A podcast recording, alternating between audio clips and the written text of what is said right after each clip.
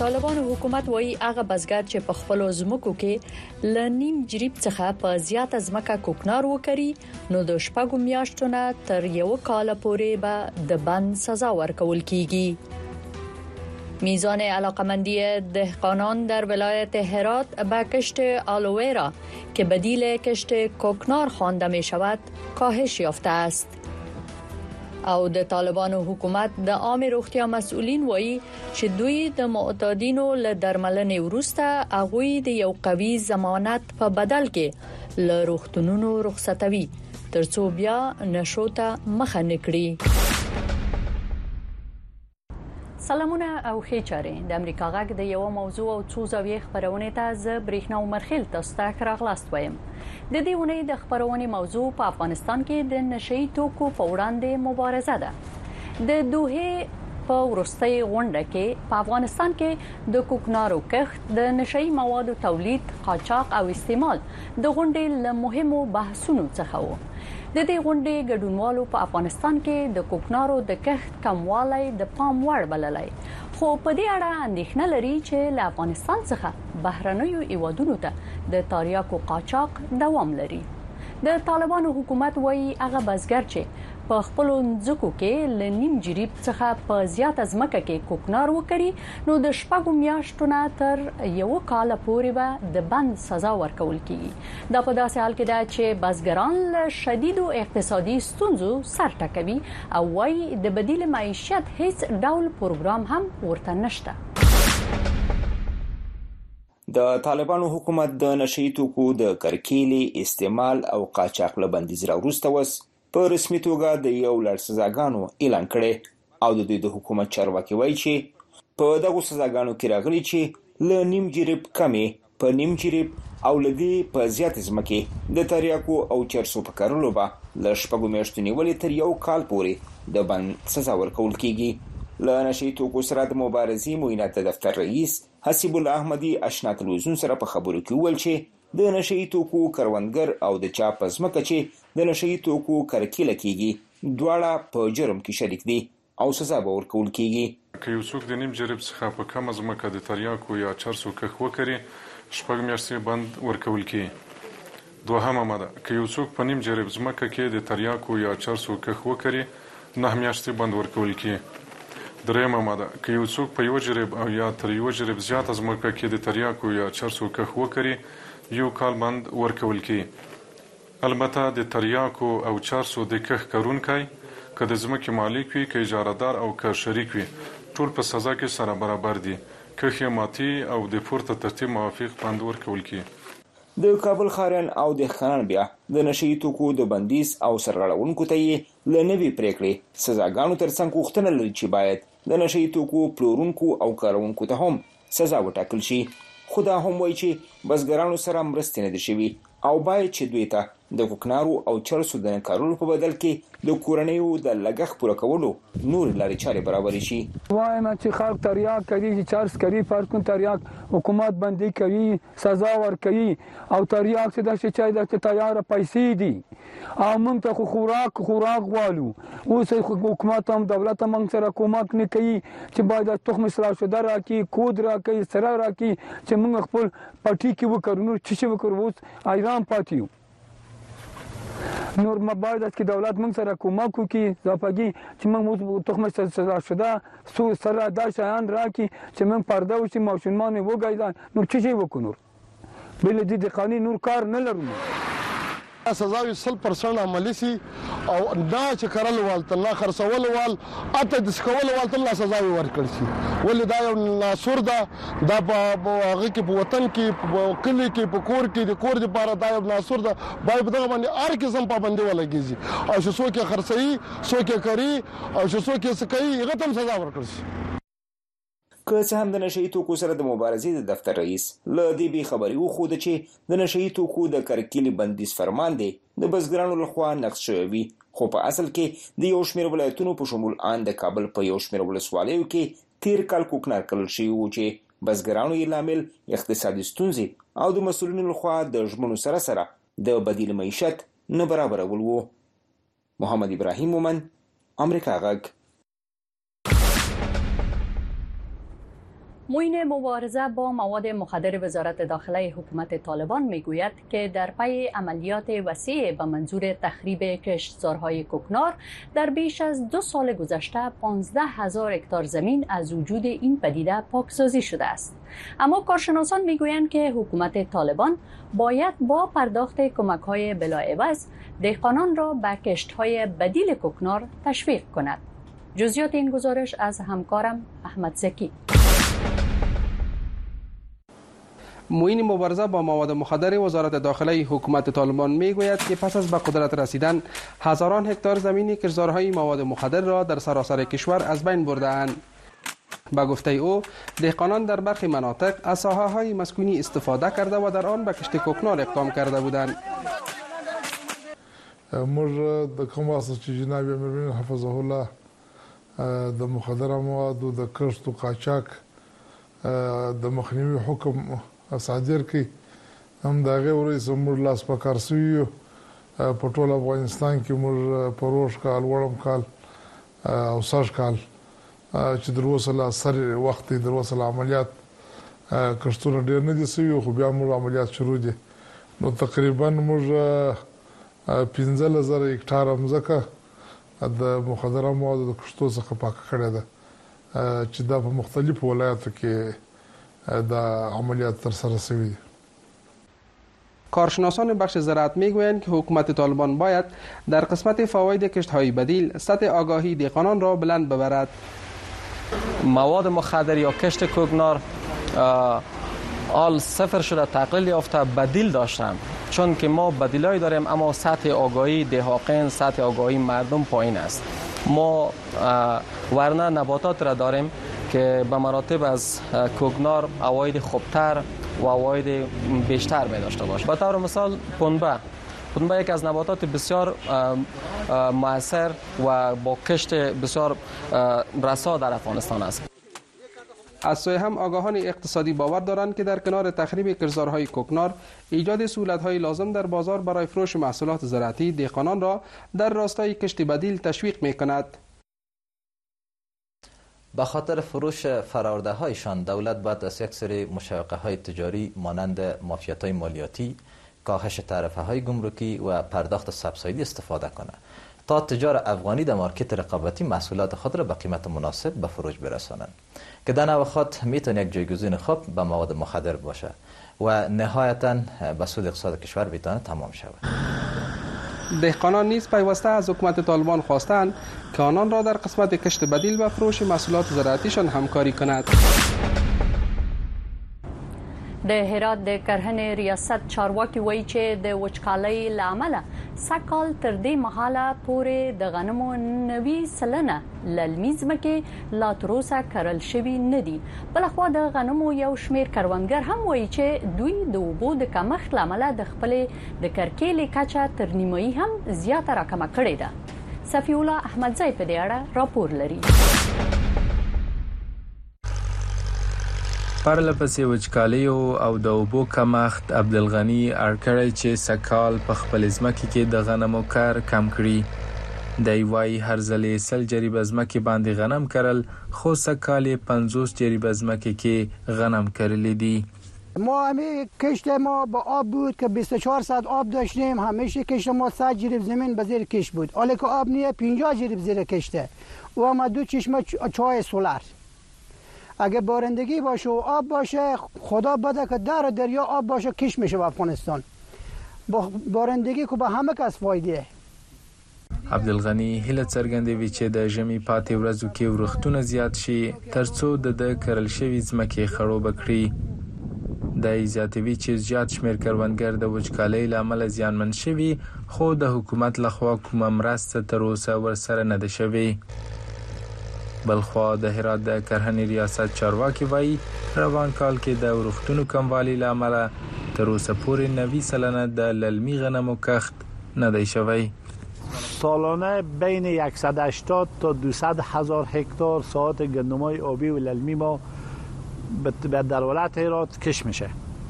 که متاسفانه امسال تا اکنون کشت للمی تقریبا حدود 90 فیصد از تا کشت صورت نگرفته نسبت به عدم بارندگی چون امسال تا به این لحظه که با شما صحبت میکنون ما بیش از 51 ملی بارندگی داریم له بلې خوا یو شمېر کروندګر وایي که څه هم د دوی د کښت کچه د اوبو کموالي له امله راټیټه شوې خو بیا هم نه غواړي د کوکنارو کرکیلې ته مخه کړي. ځکه د غوی په خبره د کوکنارو څخه ټولنه زیانمنه کیږي. از هر برادر که خواهشمند ایم که کشاورزی مکنه گندم، جو، کنجد، ماش، قشنیز، کریبیه، حتی اگر میتونه زعفران، از امی کشت فاسد دست ورداریم نکاریم امی تریاک روزیر خدا آمده ای کشت حلال است. د کرهنې ریاست په خبره، هرات ولایت د وچکالۍ څخه د راوتلو لپاره شاوخوا دوه سوه پنځوس ملي متره ورښت ته اړتیا لري، خو تر اوسه پورې په دې ولایت کې د ورښتونو کچه څه باندې یو پنځوس ملي متر ته رسېږي. د معلوماتو له مخې، هر کال په هرات ولایت کې له یو سلو اتیا څخه تر دوه سوه زره هکټاره ځمکې باندې للمي او آبي غنم کرل کېږي. میزان علاقمندی دهقانان در ولایت هرات به کشت آلوویرا که بدیل کشت کوکنار خوانده می شود کاهش یافته است شماری از کشاورزان در ولایت هرات می گویند عدم حمایت دولت و همچنان نبود بازار مناسب سبب رکود کشت آلوویرا در ولایت هرات شده است این یکی از گلخانه های آلوورا در ولایت هرات است که شش سال پیش توسط عبدالسمت صدیقی ایجاد شده است مالک این گلخانه از میزان و حاصلات فارم خود راضی است اما میگوید نبود بازار سبب شده که میزان علاقمندی دهقانان به کشت آلوورا کاهش یابد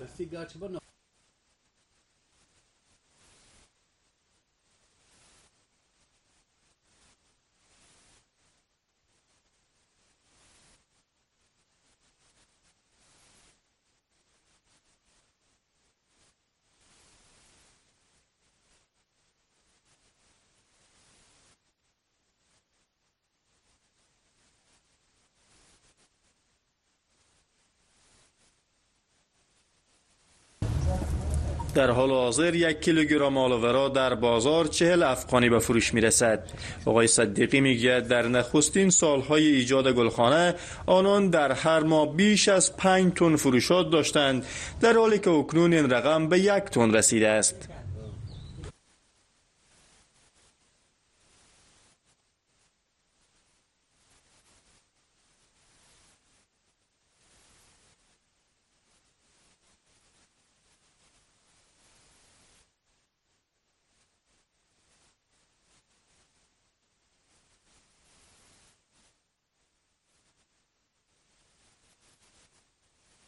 کشاورزان و کارگران در ولایت هرات خواهان حمایت کشتهای بدیل کوکنار از سوی حکومت هستند.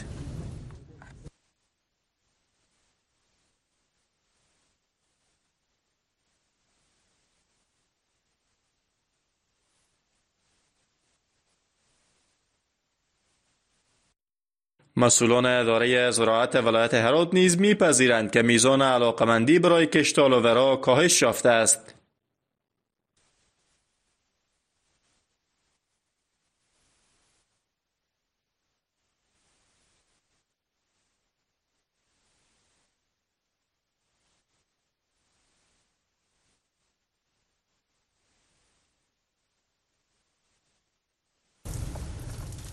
اقلیم هرات برای کشت گیاه آلاورا مناسب خوانده می شود آلاورا که به گیاه هزار درمان نیز مشهور است در چهار فصل سال کشت می شود و به صورت دوامدار در دوازده ماه حاصل می دهد همزمان با فرارسیدن فصل نهالشانی در ولایت هرات برخی کشاورزان در تلاش توسعه صنعت باغداری هستند شماری از کشاورزان و باغداران با غرس انواع نهالهای مسمر میکوشند تا روشهای نوین باغداری را در این ولایت نهادی نبسازند. فصل نهالشانی و کشاورزان نیز مصروف قرص نهال علی احمد یک از کشاورزان در ولایت هرات نزدیک به یک دهه است که در بخش باغداری فعالیت می کند این باغ را تازه ایجاد کرده و روزانه همراه با کارگران 200 تا 250 نهال را در آن قرص می کند باغداریش را امسال از 20 به 30 جریب زمین توصیه داده است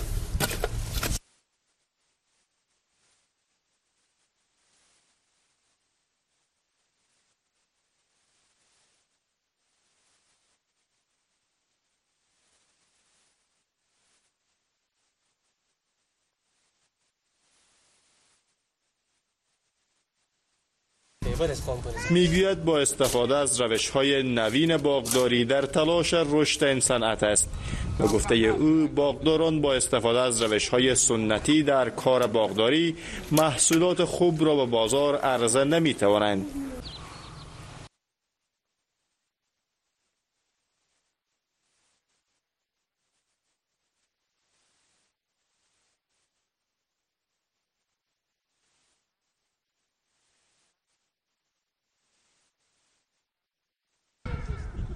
هرچند بیشتر کشاورزان و باغداران کمبود آب و خشکسالی را یک چالش جدی خونند اما برخی آنان با گزاری هنگفت روی چاهای آب و استفاده از برق آفتابی تا اندازه باید مشکل کنار آمدند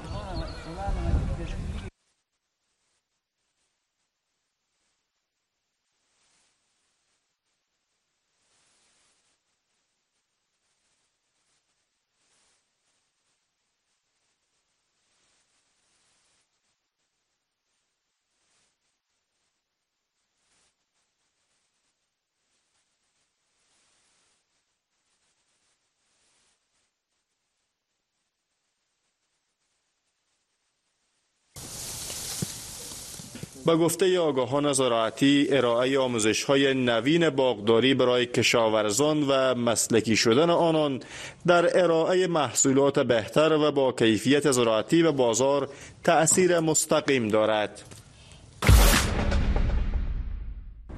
د نشه یي توکو او جرمونو په وړاندې د مبارزې اداره وایي، په افغانستان کې څلور میلیونه خلک نشه یي توکي کاروي چې د ټول نفوس نږدې لس سلنه جوړوي. د طالبانو حکومت د عامې روغتیا مسؤلین وایي چې دوی د معتادینو له درملنې وروسته هغوی د یو قوي ضمانت په بدل کې له روغتونونو رخصتوي ترڅو بیا نشو ته مخه نه کړي. دا مسؤلین وايي چې دا ضمانتونه د دوی د کورنیو له غړو، خپلوانو او یا هم د سیمې له مشرانو څخه اخلي. د پنځه غړو دا کمیسیون چې پکې یو ډاکټر، ولایتي مسؤل، د نشه یي توکو د استعمال کموالي ریاست، د درملنې امیر، د روغتیايي کمپ مسؤل او د عملیاتو د کشف مسؤل شامل دی، د دوه اویا هغو معتادینو عریضې ځان سره راوړي دي چې د درملنې وخت یې پوره شوی او هم یې کورنۍ وو او خپلوانو د خلاصون غوښتنه کړې ده دوی تر ارزونې وروسته یوازې څلوېښت رغول شو معتادینو ته د رخصتۍ فرمې ورکړې د نشي توکو د استعمال د کموالي ریاست د تداوی امیر عبدالسلام همت وایي چې دوی په هفته کې پنځه ورځې رغېدلي معتادین د هر اړخیزې ارزونې وروسته او د وکیل ګذر د یو قوي ضمانت په بدل کې خوشي کوي تر څو بیا نشوته ونه ګرځي او که د چا د خوشې کېدو عریضه ونه شي او ضمانت ونه لري، هغه کمپ کې ساتل کېږي. چې کله یو څوک وغواړي، یوه کورنۍ وغواړي خپل روږدی مریض خوشی کړي، کاش معینیت عریضه کېږي. د مونیت نه بیا راست کاشت قضا ته راجع کیږي کاشت قضا به جدول ورته جوړوي هغه موږ ته راکوي موږ راوړو دلته کمپو کې هغه نفر را باسو بیا د نفر چې کپ موږ کوو چې څوک ښه شوي وي دغه وخت ته ګورو دغه ظاهر ته ګورو فزیکی حالت دغه چې کوو نو بیا دغه په ترتیب سره د یوې میاشتې نه شپږو میاشتو پورې موږ دغه سلسله روانه کړې ده نفر سره ساتو بیا ورسته دغه نو خوشحالو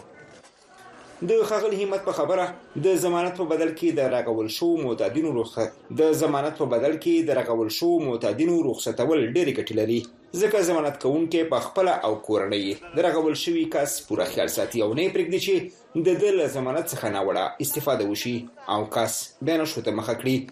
خو همدا ګټه یې دغه ده چې هغه کوم کسان چې ضمانت کوي هغه د خپل ضمانت په خاطر هم د دوی تعقیب باندې وي چې دوی بیا خدای نه خواسته بیا داسې نشي چې بیرته عملو ته مخه کړي نو د غون ضمانت خستل کیږي او کوم وکی گذر چې دی ادو د هغه تاییدوي چې د په دوه ساحه کې د مو سره ژوند کوي او ان شاء الله دغه کوم کس چې ضمانت کوي دا به بیا دته دغه نفر فرینګ دي چې دا څنګه وکړه دا بیرته روګ دی شي له روغتیايي کمپ څخه د ټاکلي شپږ میاشتۍ او درې میاشترې دورې وروسته د رخصتۍ فورمې اخیستونکی جمشید او سیدا جان ته د اعتیاد پر مهال سختې او بدې ورځې لا هم ور په یادې دي. ان شاء الله زه سل فیصده د خپلې تداوۍ نه خوشحاله یم او د حکومت څخه دا غواړو چې موږ دغې ځینه ووځو، موږ ته یو کار زمینه برابره کړي چې موږ خپل ملت ته او خپل کورنۍ ته یو خدمت وکړو او زه موږ په اول شخصاً زه خپله نور په دې لاره نه ځم وزما هر دوست هر ملګری چې په دې لارۍ زه به هغه ته نصیحت کوم که چیرې په نصیحت ونشي زه خپل لار د هغه نه جدا کوم چې آینده موږ به ته هم په دې لار معتاد نشو به ته د معتاد لار ته لاړ نشو خوانه حالت مډه خراب د خپل لاندې د سړک لاندې چې کې دغه پسې بغرځېدو ناروا کارو پسې کنه کې بل پسې یو شی بل شی مقصد پیسې په طریقه را پیدا کوي غلا باندې دغه باندې خو خپل نشم پر کولې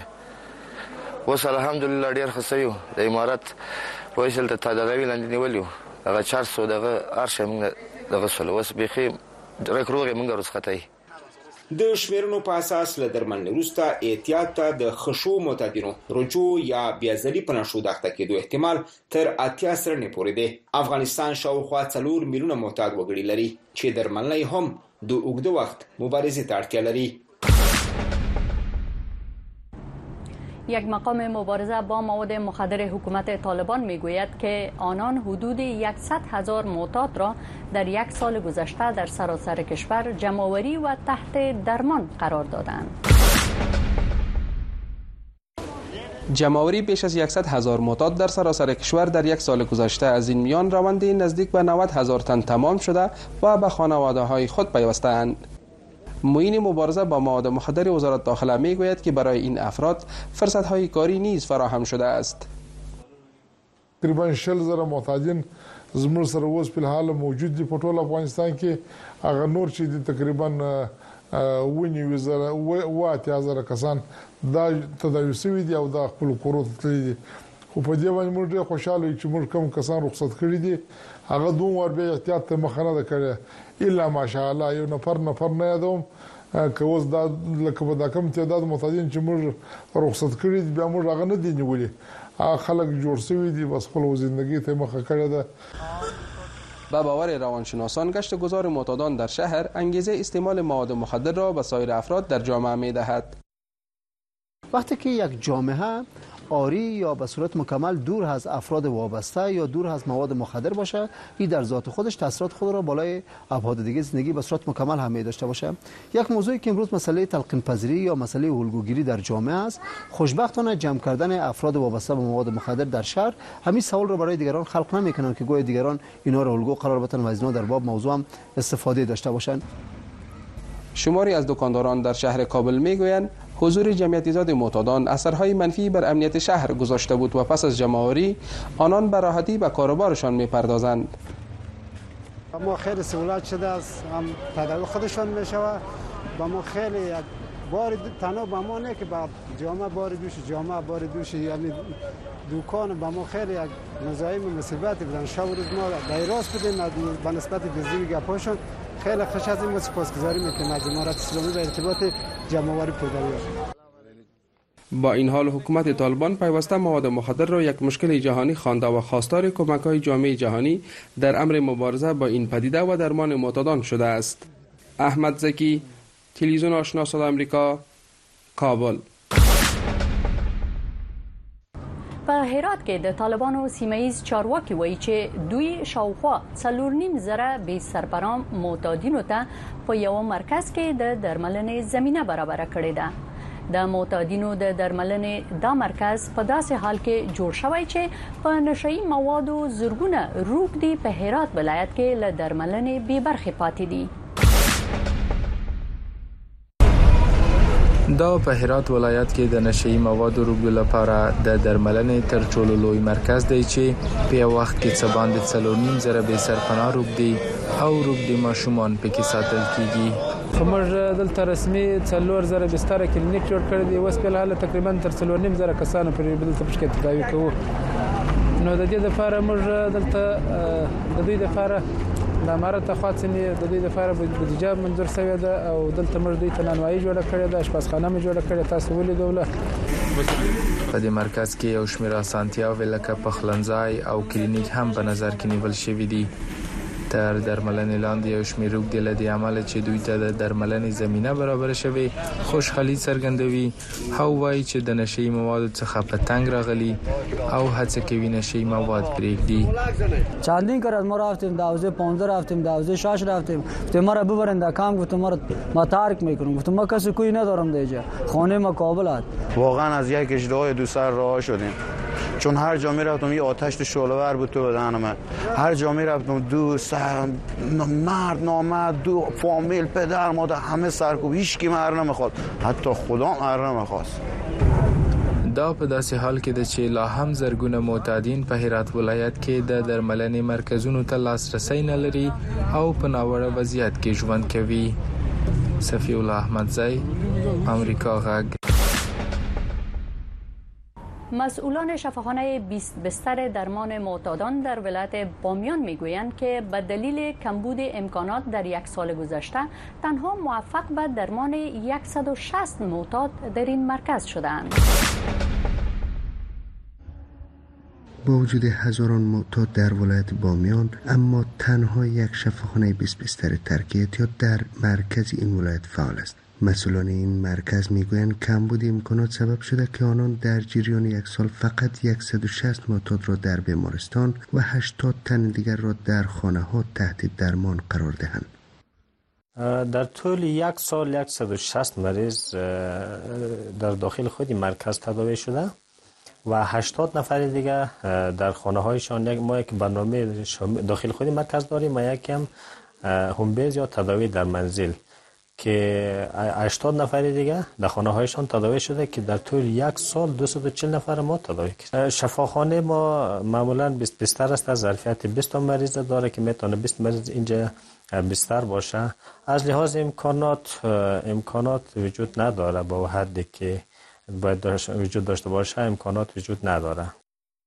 از سوی هم مسئولان قوماندانی امنی بامیان از تخریب بیش از صد جریب کشتزارهای مواد مخدر در یک سال گذشته سخن میزنند. در طول سال توانسته طی هفتاد عملیات به مقدار صد جریب زمین زراعتی را در سطح ولایت بامیان کاملا محو و نابود بکنند مدیریت مبارزه با مواد مخدر قماندانی امنی ولایت بامیان در قسمت جمعآوری معتادین و تداوی معتادین از آغاز سال 1402 الى اکنون توانسته به تعداد 160 تن از معتادین مواد مخدر را از ساحات مختلف ولایت بامیان جمعآوری نماید و همچنان به شبخانه تداوی معتادین معرفی نماید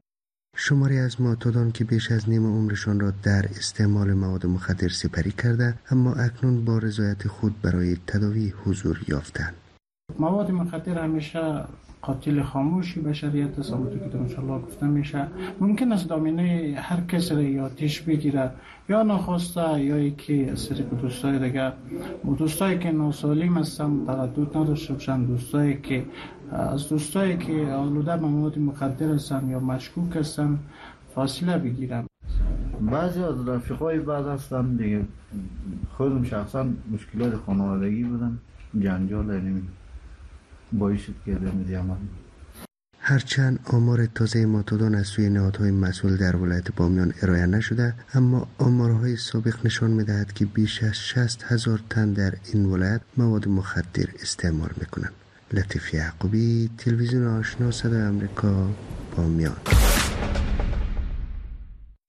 قدرمنو لیدونکو تاسو د ملتیا نه ډیره زیاته مننه دا خبرونه هم عمدلته پای ته رسیدي تاسو دا او زموږ نورې بیلابیل خبرونه په ساتلایت او د امریکا غږ په ټولنیزو رسنیو کې هم لیدلای شئ شپې او ورځې مو په خیر تربیه مو څښتن مل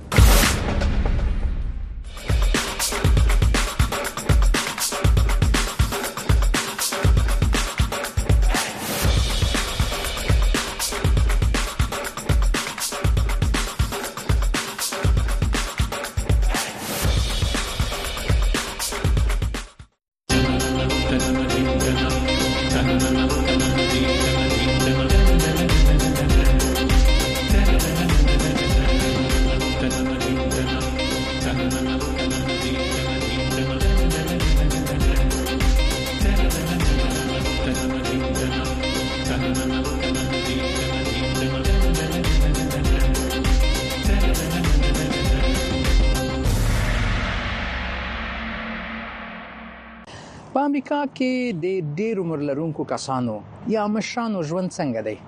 په خاصه توګه د افغان مشرانو ژوند څنګه دی نن پام دې موضوع غږیږم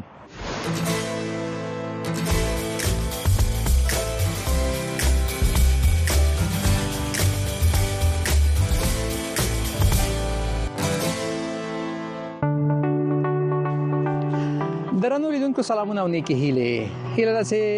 روغ او جوړ یاست زه د اوس ریقیم او تاسو ژوند په امریکا کې خبرونه ګورئ په غربي نړۍ کې د ډېر عمر لرونکو کسانو یا د مشرانو د ژوند په اړه ذهنیتونه موجود دي ځینې خلک وایي چې دا خلک ښه ژوند نه لري د ستونزو سره مخامخ دي یوازې دي ماشومان یې سره ژوند نه کوي او همداسې نور نو د دې لپاره چې په دې اړه موږ تاسو اول لاس معلومات پیدا کړو زه غواړم له افغان سره مرکه وکم چې تقریبا 40 کال کې په امریکا کې ژوند کوي خپل یو مشر سړی دی په افغانستان کې هم د خپل یو د ژوند یو لوی برخه تیر کړی ده نو د سره غواړم وګورم چې دای څنګه ژوند لري او د نور هم زولي نه یوازې افغانان بلکې غیر افغانان څنګه ژوند لري همدارنګه لده میلمانه به د افغانستان ځینې جالب خاطرات هم واورو هیله ده چې دا خبرونه مخه کسي او تر پای را سره پات شي جلال صاحب ډیره ډیره مننه چې ماته مو فرصت راکړ ترڅو تاسو کور ته راسم او د تاسو د ژوند په اړه یو څه معلومات ترلاسه کړم تا د خدای خوشاله لري زه په دې باندې خوشاله یم چې په تا کې دا احساس پیدا شوی دی چې ته د خپل مشرانو احوال واخلي دا د ژوندانه ځان خبر کی او دا هو دا تجربه نه نور خلک هم خبر کی ډیر خوشاله شم چې راغلی کور ودان جلال صاحب اول خدا ستاسو نوم ډیر یو خاص نوم دی زه ډیر کم کسانو کې دا سره نوم لرم کله چې ځان لیدوم ته خپل و پیژنې دا ډیر په زړه زما نوم خو امان الملک دی امان الملک او کور کې راته خلک بابا جان وای البته په دې وجه باندې چې کورنۍ کې ټول مشرین خويندې ورونه ټول زما نه کشران او دا امان مرګ زما د ورنیکه نوم دی زما د نیکه د پلار نوم دی چې هغه چترال بچاو د الله حضرت امان الملک په نام باندې نو موږ چې په افغانستان کې پاتې شو تقسیمات دیورن په پیسه باندې په افغانستان کې پاتې شو او هغه په دغه پاتې شو زما پلار د مالې خد او ساس تخلص جلال زموږ د کلی نوم دی په کونړ کې دا څه اوس د صدابات په ولسوالۍ پورې تړلې ده د زموږ د کلی نوم د خلک ته جلال خان اونر اف جلال امسر جلال خان زموږ پلار تم دا دا موږ تم ټول ته اوس د ټول ته جلال خان خا دا د سیمې نوم دی نو ډیر جالب ده د لپاره چې ساسو نوم امان الملک داسې یو نوم دی چې موږ تاریخي کتابونه چې ورزو داسې نمونه سره مخامخ کیږو اوس څوک لیکل نشي څوک ویل هم نشي امان الملک امان بیا مننه لمړنۍ زده کړې چې ریکړې دي چې ژوند پیل کړی دی زده کړې مې زما ترور راغلی و زما د پلان لیدو ته د خپل مور لیدو ته جلاله کلی ته هغه ځان سره وستلم کابل ته نو په دغه عظیم په مکتب کې استقلال مکتب کې داخل شو زم استقلال مکتب کې داخل شو شپږم پورې مې هلته ویل بیا کور ته لاړم هغه زما د ترور کوم سیز زما ترور بیرته لاړ جرمني ته خاوند په جرمني کې سفیر زه بیا بیرته پلار بوتل مو وطن هلته راته مخ دغه مال مال ملاین او مرزین او دغه غیر اوسل مته اردو زده کړل او دا دیني کورنۍ مکتب یعنی په کور کې معلومات درته راوستلي هلته مکتب نه و نه نه نه مکتب نه ولد دا زمونږ د وطن نه ډیر نابغه د کسان راغلي لکه سیف سیف شمس الدین مجرو لکه عبد الله غمخور دا نابغه ګان اما یو چند مکتب دروازه نه ولید ټول خپل کورنۍ خپل دان بیا ورسره لګ تاسو خو لوړ زده کړم لري د لوړ زده کړم څو وخت وکړي څو وخت بیا بیا چې ما واده وکړ عمر مې زیات شو د سبق څخه مې ډېره علاقه وه نو هر طرف ته به ګرځېدل او په دې کوشش کې وم چې سبق وایم نو ما ته چا ویل چې ولې ما په دې عمر کې ته مسلکي دغه وخت مسلکي دا دوا سازي دواخانه کې چې کار کوي دواخانه دوا دوا خلکو لورکې ستونی وي دی وخت متمن کابل کې ژوند کاوه او کابل کې ژوند کاوه نو بیا لاړم دا دغه مې فارماسي مې ولوسته فارماسي مې ولوسته ډیر اعلی ډیر اعلی نو د تاسو عمر ته په کتو باندې دا فکر کوم چې د زاهد خان وخت به ودا او زاهد خان زاهد خان وخت ډیر ښه تر ځای ځه خبرې ما تاسو خو جهادم کړی دی مجاهدینو سره همکار پاتې سوی یاستئ یو څه دغه وخت قصر ته وکړي څه وسو څنګه له کابل لاړې څنګه جهاد وکړ منګه خو تا ته معلومه ده چې موږ خپل یو دغه لرو که د داود خان د صدراعظمې په زمانه کې جوړه شوې وه چې څو چې څو چې ځمکه د اسمان څو چې پاتې څو چې ژوند په دې جهان وي په څو چې پاتې یو افغان تل د افغانستان دا موږ ځان سره ځان سره شعار لیکلی و چې زموږ په زړونو کې پرته وه. نو روسیان چې راله کوم کمونستان چې راغلل نو معلوم شو چې دا خو د شوروي خلک دي او د شوروي او شوروي او شوروي نو په دا وجه یو خو دغه نه چې د شورویان غلامان بل دا چې کمونست کافر کافران او دین جیړ او رکول نو په دغه وجه باندې دا په مقابل کې پاسو جهاد به چې دا غو دغه زیات شو بمباریګانی کوله کوله نو د دې په خپل اولاد امن زیات وسو موږ لاړو پاکستان ته زموږ ماماګانو تا څومره وخت جهاد کې تاسو مصروف وئ زه ورچال ته لاړم تقریبا درې کال جهاد مې وکړ مګر افسوس افسوس چې جهاد نو ما فکر داو چې زما په شان بهر سره فکر کوي چې باید چې د افغانستان سره مال په یو کال کې موږ د آزاد اما چې ولې خلک قطر د افغانستان په قصه کې نو او بل دا ده چې تاسو څوک یادوي مشخص توګه دا دا دا کوم مشران د پارټیګانو مشران ټول مجاهدینو مشران او دا مجاهدینو مشران ټول هر سره په دې فکر کوي چې دا شي دا دا وجه لري یو د خارجي و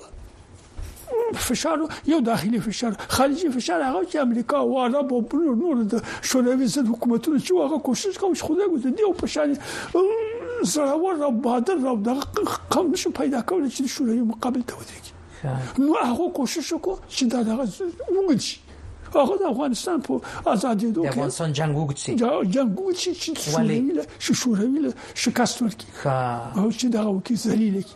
شوروي سخت ماته وخدل پر جنگ وغځي کړه هغه شو اخر چې و تخدید نه کنه بهرنیان په دې فکر و چې باید و جنگ وغځي چې شورویان ته لوی ماته ورکړي او داخلي خلک چې هغه خو زما بشن خلک خو چت کوم چې ځمکه لرله یا به نه لرله باز خو نه لرله په جوبات کې ملي راغلی او دا هغه فکر وکړ چې موږ چې بسره شو بیا به جوبات لیدو او دا خو موږ څوک نه راکې دا بچي خو موږ څوک نه راکې نو هغه هم کوشش کاوه چې پیسې ولر روان وي پیسې ولر روان وي پارټي او د جهاد خلکو تاسو ته خبرو په اساس حتی د مجاهدینو مشران یا د مجاهدینو هم نه غوښته چې دا جګړه را لاندې شي نو عجیب زمونږ یو یو مثال به ته کس موږ دقیقاً یو خزا په خیمه کې اوسېدل ډېر تنګ شي و ویل چې خدا وطن آزاد کی چې به ته وطن ته لاړ شو نو سره مېړه راغله په لته اول و خدای د خوانه موږ وطن کې آزاد شي سمګ جلاله خان دې قانې به را باندې کې اوس نه ته غوړي پراته دي پلاټي خو ما بستر را ته پراته دي پرې دا وګورئ چې مال روان دي خارج مال روان عوام سم دا فکر عجیب ولا څنګه امریکای ته راغلی خو امریکا ته خو په دې وجه باندې لاله من دوه وجه یو خو دا چې ما چې ولید چې هغه احساس او هغه جدیت چې په دې بلا باندې لرم دالته نشته دي خلک ما ته به ویل کارای د کچې میکن خان سم انتحاریسته بانی دوسوال چاویل ولادت پارتی مشران زه دغه سم استاد رباني سو حضرت صاحب سو ما دغه سم ان هغه بابت کوم از پورې مو تړاو اول اول که خدا حکمت یاسو خو هغه چې د قومندان د خان چې تعلق او مرګ دغه په وکي خدای په وکم دا تیر ځکه چې قومندان عبدالرؤف خان ویل چې په یو مشکې کابل نیسم وایي چې دا چې په مشکې کابل نیسم خو مونږ ته به څه شرک یو هغه دغه غواجی خو خدای ته خلاص دا دا په لاره چې پېښو چې دلته خو دا جهاد نه دا خو تجارت دی دا خو دا نه ولول او بل دا چې دا اولادون زما شپږ عطا یې لري شپږ لونه او څه دوزه نو هغه د پاره کوم ځای چې مهاجر شو سن مکتب په څه کې څه اته زما یو لونه تقریبا 15 کالو کالو بو چاته ویل چې خان ته ویل شرمې وي چې دا جنې ساتره شپه او کال دي چې نور بار ته لاړو دي باید چې په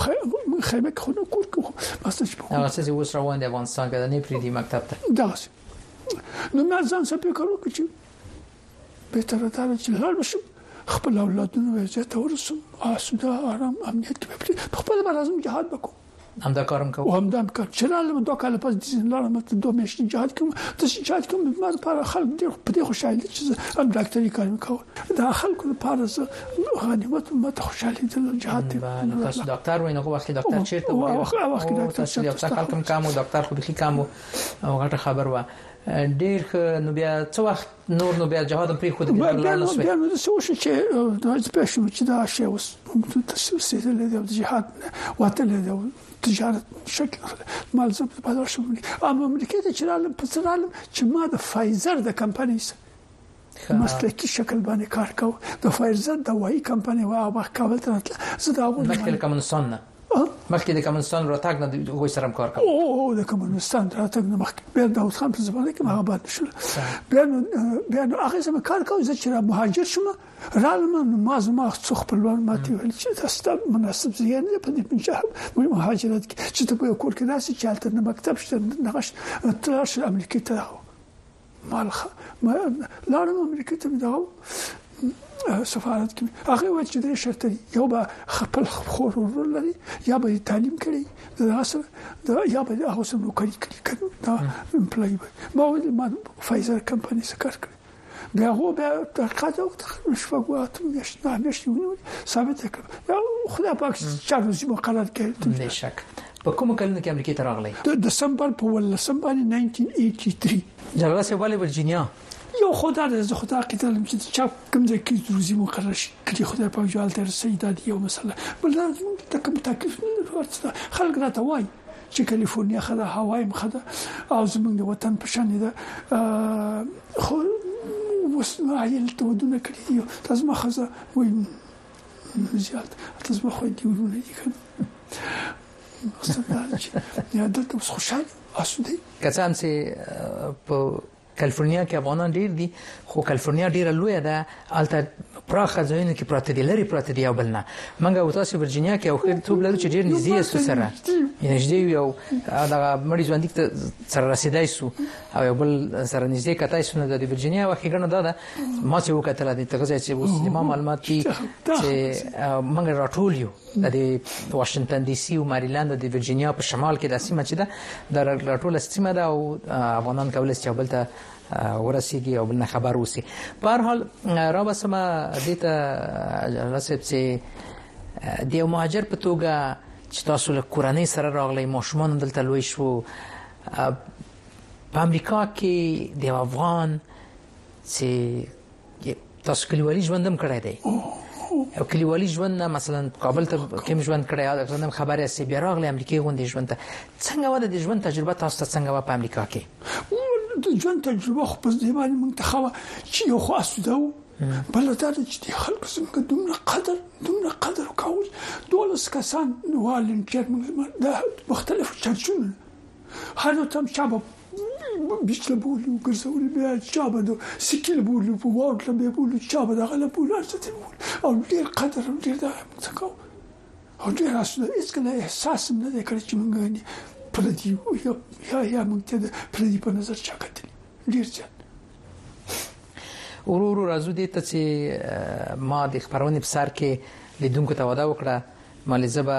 دلته نن د مشرانو پر ژوند وغږېږم تاسو د موږ یو مشر یاستئ او لوی عمر په افغانستان کې تیر کړی دلته هم وخت تیر کړی چې ډیر د قدر وړ خبره ده ډیر تجربه لري نو یو ذهنیت موجود دی د مشرانو د ژوند په اړه په غربي نړۍ کې دوی وایي چې دلته مشران چې دي یو څه یوازې دي ژوند یو څه له ستونزو سره مخامخ دي او ذهنیت موجود ده زه نه وایم چې حقیقت ده که نه ده دا بل تاسو واورو تاسو دلته ژوند کړی دی څلوېښت کلونه ډېر نو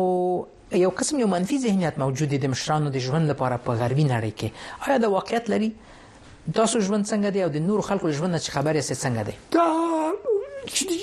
څه خبره ده دا پروپاګاندا دا درو دي او دا څو خبره دا د کمونستان او په خپل راغلي دي چې بیا امریکا ته په خپل راغلي دي په مزو یې سره اما اما وسم هغه د دښمنۍ پالي او خپل دوستي او دا د دغه ساتي او د اخوانیت هغه په داخله چې په امریکا ته وسوده بشي تر حجم خامل به ما څه کوي وسخه چې زما نفوذ لاندې وي چی چی زه په هر څه کوم کوم د چې امریکې ته لاړم زه زما ورور والی په کونړ کې والی د د د طالبان یو قومندان ته په خبره جواب را لګی چې والی چې ستاورور په امریکا کې یو ته ویل چې لازم زی وایي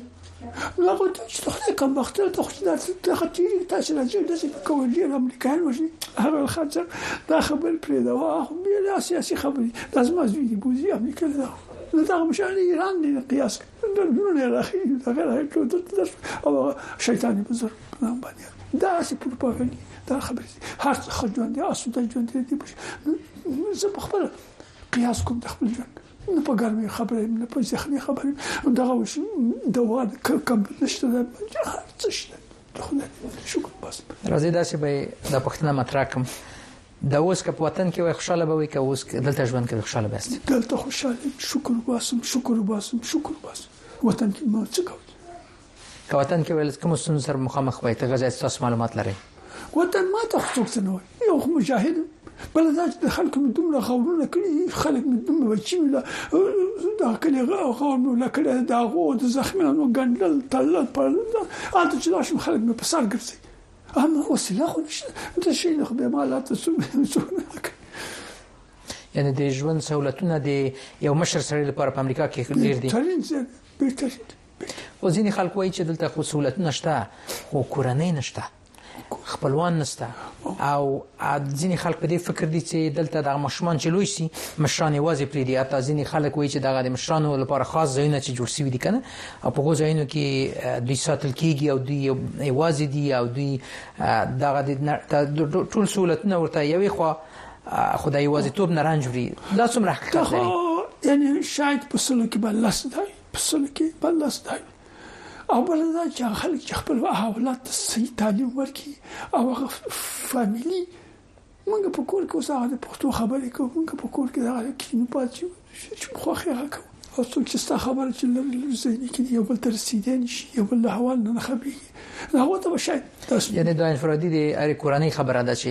څنګه مور پلار له اولاد سره رابطه ساتي څنګه خپل اولاد ته وطن شي چې دین دین چې دلاره نو کوم مسلمان یو کوم کرسچن یو کدا چې په خپل هغه باندې قائم بلل نو هغه به سره دا کوي چې ترسي او دا موږ په اړه نیک بختي دا مسلمان هر څه په اسلام کې خودل شي دي دا ول تربیه خودنه موږ موږ د ځال خپل خیسر ته بجو مجمع موږ کوه شاته موږ نو دا شي جلال صاحب چا سره ژوند کوي تاسو وځي استې تاسو مېرمن کشر زوی مې ده کشر څومره اولادونه لري اولادونه خو اتلرم او نصیب مې یو 15 چې او کرواسی مې څلور 15 کسان دي ماشاءالله هغه ټ کورنۍ لري او تقریبا په هفته کې یو والی نه چې دوه والی سره غونډه و دا ته دا ټوپ ټوپ ولې رامل سره دا مين محبت نو دا څه تاسو نه دي کورنۍ د ازا او د کمبود هیڅ احساس نه کوي ماشاءالله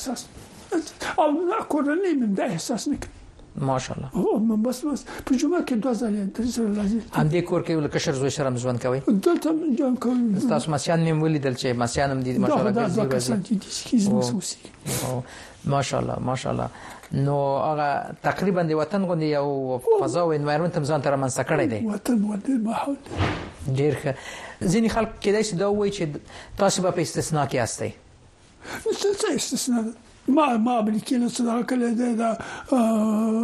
هغه د هورا چې غواړي د امریکې لپاره ما امریکې له کوم څه شي کړی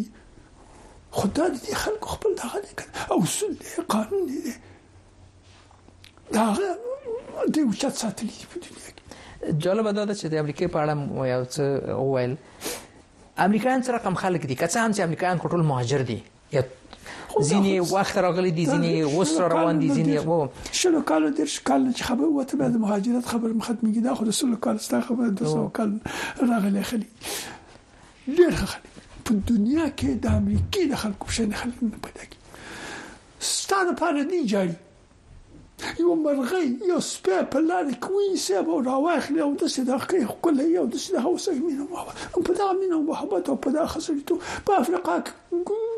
کې ته چیرې دغه قاتل راشي دی وتل ته جاړي پیسې راوړي کور په کور ګرځي دغه کوته کوي د حیواناتو قدر دی د انسان قبر دی د ولس سره دا چې امریکا څه کوي او دا نور لکه يهودي او دای دا کوي ګرځي هغه بل خبر او نور دم دي کې د خلکو په شان خلک په دنیا کې او جلال صاحب تقریبا شل کاله امریکا په افغانستان کې داخله و افغانان اوس امریکا ته په مثبت سترګه نه ګوري په نړۍ کې نوري ودونه هم دي چې په مثبت سترګه نه ورته ګوري وای کېدای سي امریکا به ځان ته ښه امریکایي خو ځین بهرنۍ ملکونو ته ښه امریکا نه ده البته د دوی خلک ترې خوشاله نه دي ځو خبره ته حکم کنه متل لرو وای چې غریب خو خدای کړی کنه نو بی غیرت چا کړی نو چې موږ په خپل بی غیرت شو او خپل ځان نه پیژنو او د دې د دې یو څه خبره باندې لوبي کیږي کنه ویتنام ته ګوره دا امریکای په دې قدرت باندې څنګه لا راو د خپل ملک نه وست موږ هم که دغه په شان نشي راو ما ته سړي قصه کوله ول جرمن سم دوستي شو ول لاره به کوته وغوتل من مستیا په من مستیا ته هم ګورم چې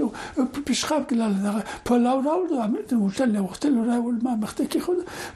ما ته ول ما چې ته چې څه خدای نه خو ول د بلی برسره بوې ته خو ته لا د بلی شي نه راوست ول چې خپل پیسې ته په ځان مس جرمن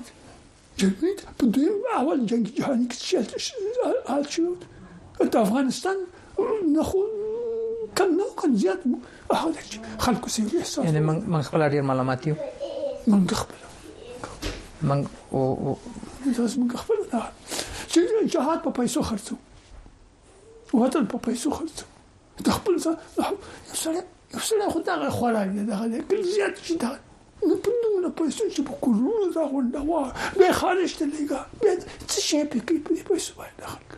خو څه دیانت یې خراب دی غیرت یې خراب دی خراب شوی دی خلکو ځانونه دغه کړي خرڅ کړي وجدان یې خراب شوی جلاله صاحب رابسم دې ته چې څه مصروفیتونه لري اوس اوس څه کار کوي کار خو نه کوي فارماسي برخه کې چې ته ما څو ما تقریبا 15 کال وکی چې تقاعد مې غسه ریټایر شوم په کور کې رسم ډیر شاپ مې د لیکنو سره لیکنو سره لیکلو کوم لیکلو کوم لیکلو کوم اوس اوس اوس اوس د لیکلو اته د اخبار د لوستلو او سره د پاتې شي د کتاب د لوستلو او سره او شي بس هر ورځ اکسرسایز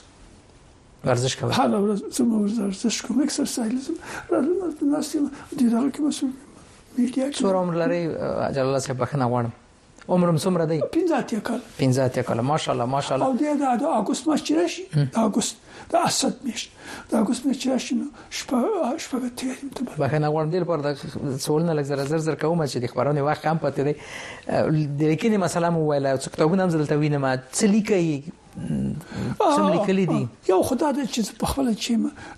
همیشه کوشش کوم چې په یو ځای کې ما په خوشاله په مینا په محبت باندې ژوند وکم دا اولاد سره دا هم گاونډي سره دوست او یو خدای او دا چې بنه دا مو چې چې تر یو نه خوخي نه خوخي دا غل دا د ورځې مسؤلیت دی بله زیاتره اوس زیاتره تخیل چې بر کوټه کې قلا ډډ ارتو دا ګوګل کې او دی فیسبوک کې دي شنو کې شي ګور بل شي ګور سات دي او حوصله دې لیکل هتن نه پاتې سم لیکل دي تر اوسه سم لیکل دي چې لیکل مې دي کتاب دا کتاب چې ترجمه کړی دی دا کتاب مې لیکل دی تاسو راوړی چې وی ګورو دا کتابونه مو ګورو سم کړی دي او دا چې دا مې نوې شروع کړی دی دا نوې کتاب هم دی دا نوې د دې په یو پټو اخلي چې دا څه نشر کې چې دا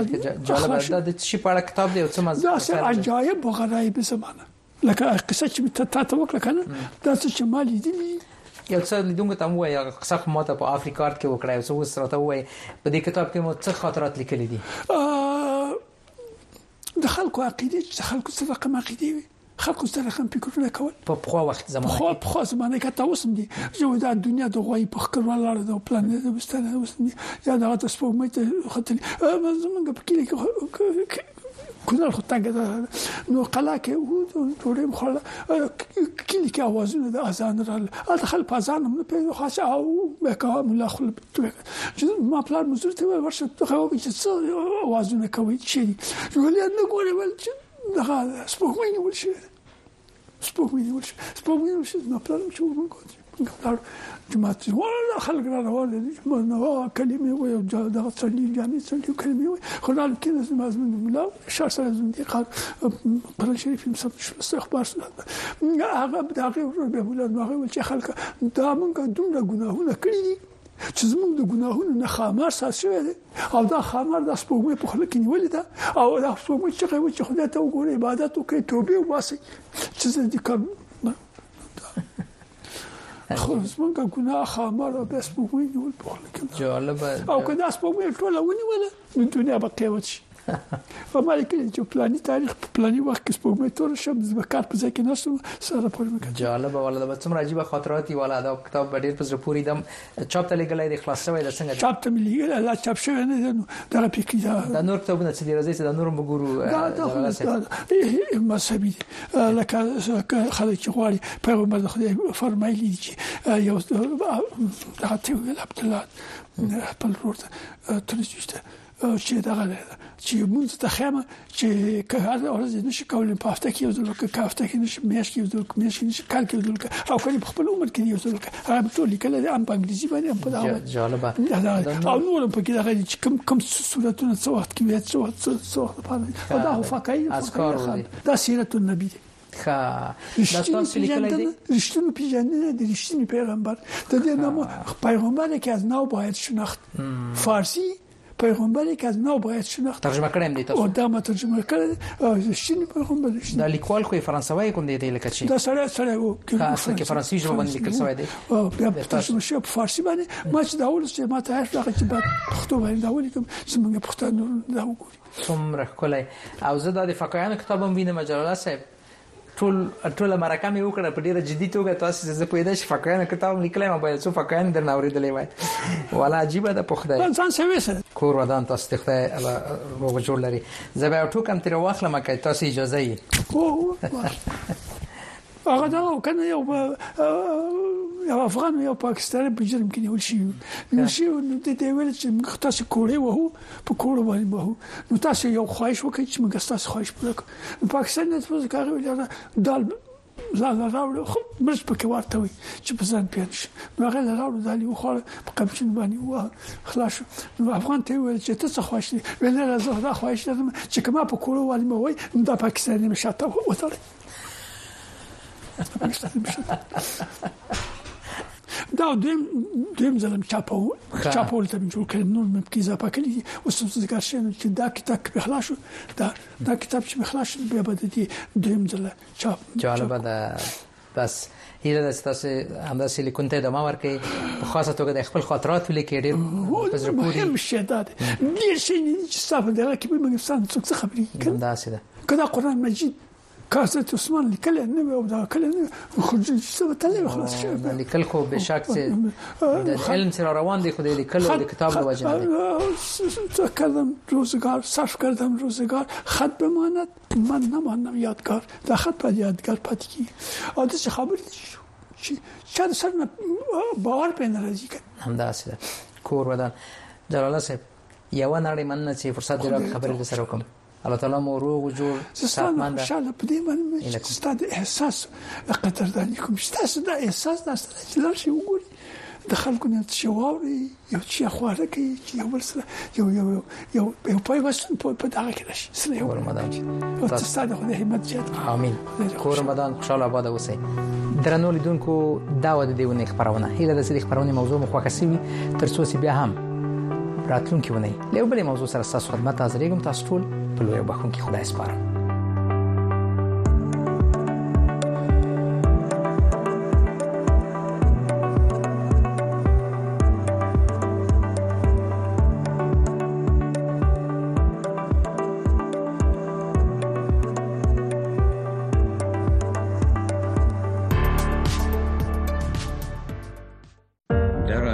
زمان تغییر که جهان نامطمئن به نظر می رسد و آنچه میشنویم منعکس کننده آنچه میبینیم نیست ما به دنبال حقیقت میبراییم وقتی تنها بخشی از حقیقت و آنچه اتفاق افتاده به ما گفته می شود اعتماد از بین می رود